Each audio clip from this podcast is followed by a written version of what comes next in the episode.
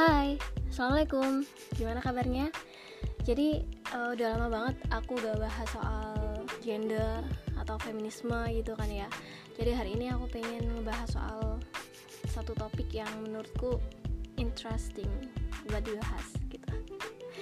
Oke, aku mau bahas soal pelecehan seksual.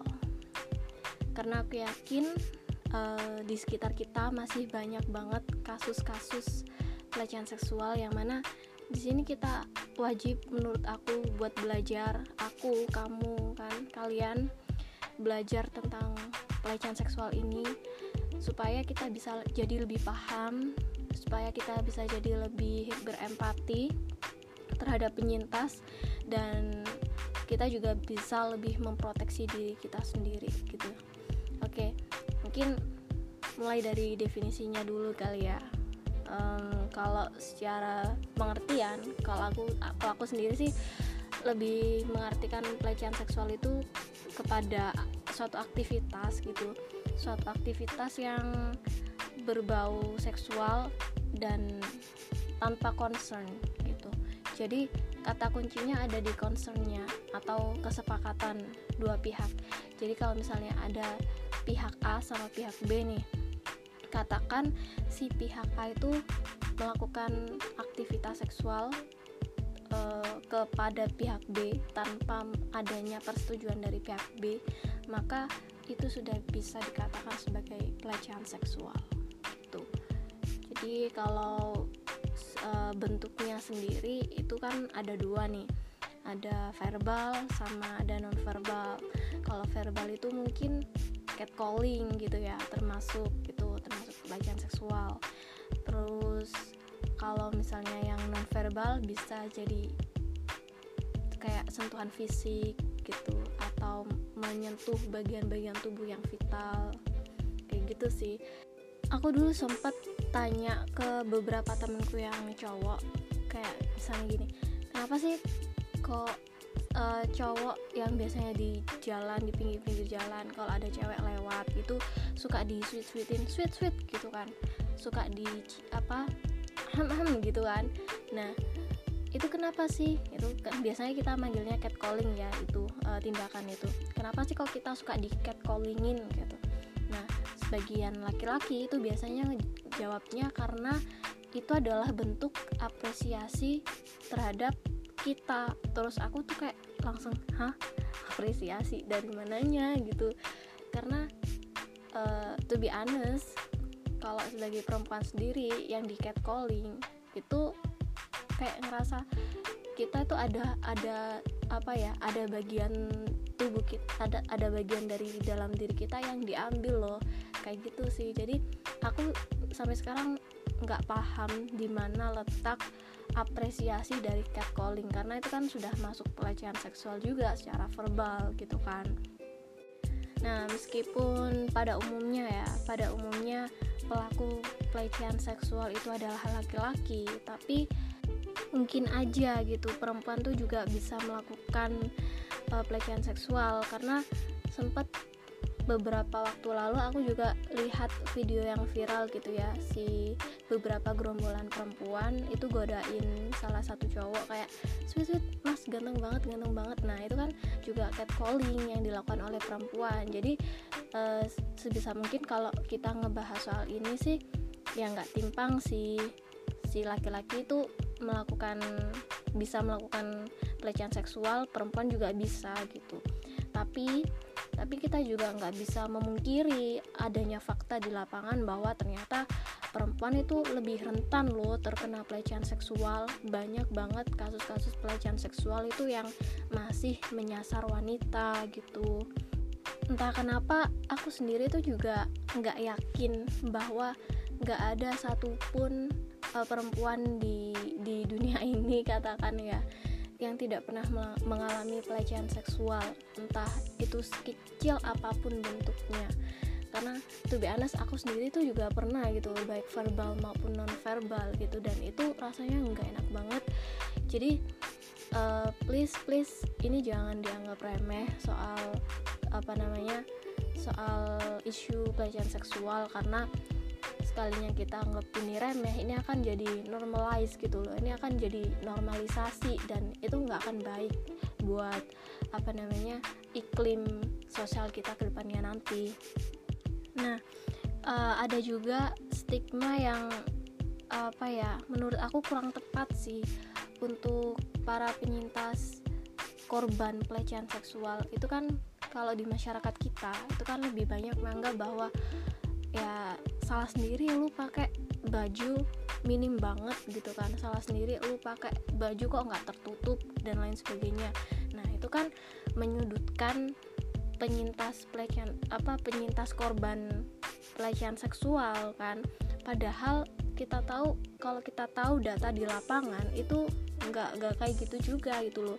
Banyak kok orang-orang yang berhijab orang-orang yang pakai rok orang-orang yang bajunya lengan panjang itu juga masih mengalami pelecehan seksual gitu. Nah coba kita buka data dari tirto.id nah ini ada datanya. Beberapa jenis pakaian korban yang digunakan oleh korban itu ada salah satunya kayak rok sama celana panjang. Nah itu ada 18% hmm, terus baju lengan panjang ada sekitar 16% korban terus seragam sekolah 14% hijab 17% dan baju longgar sampai 14%. Nah, ini kan ini kan fakta yang harus kita kita hadapi bahwa ya kita nggak bisa gitu loh menuntut salah satu pihak misalnya cuma perempuan aja yang disuruh mengatur apa namanya jenis pakaiannya so what gitu. Dan terus seharusnya kan laki-laki juga bisa me menahan pandangannya ya kan? Nah fakta menarik lagi e, dari Tirto masih dari sumber yang sama waktu-waktu terjadinya pelecehan seksual itu yang paling paling sering adalah siang hari. Tiap siang hari yakni sebanyak 35% disusul sore hari 25% malam hari 21% dan pagi hari 17% kebayangkan bukan malam hari loh yang paling sering terjadinya pelecehan seksual itu tapi siang hari wow Nah, terus kenapa sih kok perempuan itu lebih rentan mengalami pelecehan seksual daripada laki-laki? Ya kan? Kalau kita tarik ke belakang, sebenarnya um, apa poros utama adalah terletak pada stigma, stigma maskulin maskulinitas laki-laki. Jadi kenapa orang melakukan catcalling, kenapa orang berani melakukan pelecehan seksual bahkan di muka umum itu karena mereka seolah-olah mendapat apa ya istilahnya power dalam dirinya sendiri tentang maskulinitas laki-laki bahwa laki-laki itu lebih berkuasa daripada perempuan bahwa laki-laki itu lebih memiliki power sehingga um, ada sisi atau celah-celah yang di mana bisa ditaklukkan oleh laki-laki dari si wanita itu. Nah, faktor lain yang menyebabkan perempuan itu lebih rentan terkena pelecehan seksual karena adanya kurang uh, kurang adanya ruang aman di publik gitu. Kita tahu bahwa uh, di ruang-ruang publik itu masih banyak banget contoh kasus pelecehan seksual yang astaga di depan di depan mata kita langsung gitu kalian pernah pernah dapat video ini gak sih kayak orang lagi melakukan pelecehan seksual di depan umum dan yang tahu itu cuma ngerekamin aja gitu loh. Cuma ngerekam aja. Nggak nggak ada dia negur nggak ada dia ngebelain atau apa pun gitu. Nah itu tuh itu yang aku maksud kurang adanya ruang aman. Jadi yang menciptakan ruang aman itu ya kita sendiri loh gitu. Bukan bukan cuma pemerintah atau apa ya. Meskipun uh, saya senang bahwa tahu bahwa beberapa ruang publik itu sudah dipisahkan antara laki-laki sama perempuan itu kan uh, supaya apa ya meminimalisir adanya pelecehan-pelecehan seksual gitu ya. Oke, okay, I'm glad to hear that. Tapi di samping itu kita sendiri yang harus bertanggung jawab untuk menciptakan ruang aman bagi sesama perempuan gitu jadi kalau ada korban pelecehan seksual ada orang yang mengalami uh, pelecehan seksual gitu kalau kita tahu ya udah tegur. Kalau memungkinkan situasinya gitu. Jangan cuma di video gitu. Kadang uh, aku miris sih kayak astaga ini ini loh yang vid yang video ini, ini kan tahu kenapa kok nggak ditegur kenapa kok nggak di apa belain gitu. It's okay kalau misalnya kita ngevideo itu untuk bukti untuk sekedar bukti oke okay lah. Tapi kemudian kan kita harus melakukan tindakan yang lebih lanjut gitu kan. Nah itulah kenapa pentingnya. Karena apa? Karena semakin banyak orang yang mau speak up tentang ini semakin banyak orang yang berani gitu. Aku semakin yakin sih bahwa pelaku pelecehan seksual di luar sana akan memiliki nyali yang lebih ciut. Semoga ya semoga aja. Oke nah. Jadi itu sih salah satu alasan kenapa aku pengen banget ngebahas soal ini karena aku pengen di luar sana di, di luar sana itu kita sama-sama belajar gitu aware tentang hal ini. Karena kalau misalnya kita lihat sekarang ya ya memang masih banyak banget kasusnya. Dan kadang kita kayak capek aja sih. What we can do apa sih yang bisa kita lakukan gitu? Apa yang bisa kita lakukan supaya kasus pelecehan seksual kasus kekerasan seksual di luar sana itu bisa menurun gitu kan?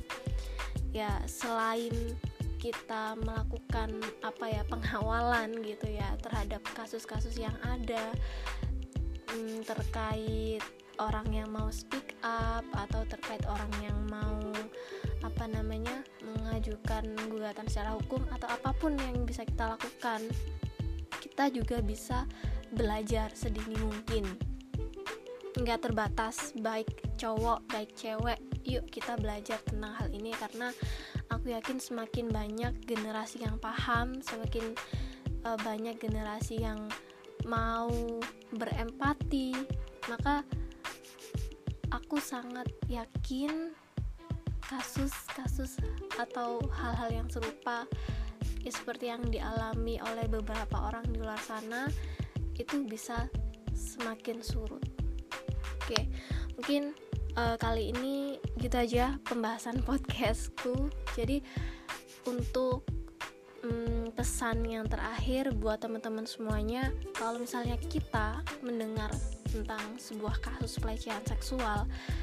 Yuk yang pertama kita bangun dulu empati kita terhadap para penyintas pelecehan seksual. Karena bagaimanapun itu itu untuk speak up itu bak, uh, apa ya jadi hal yang susah yang berat. Karena mereka harus mengingat-ingat lagi kejadian yang tidak mau mereka ingat sama sekali dan itu berat rasanya. Dan untuk uh, apa namanya untuk mendukung mereka secara moral. Ayo kita bangun kita sama-sama bangun empati untuk mereka dukung mereka. Meskipun untuk beberapa kasus itu kita tahu perjalanannya sangat alot. Nah maka dari itu para penyintas butuh dukungan dari kita. Para korban pelecehan seksual juga butuh bantuan dari kita. Supaya apa? Supaya jika ada korban-korban lain mereka tuh nggak takut buat speak up.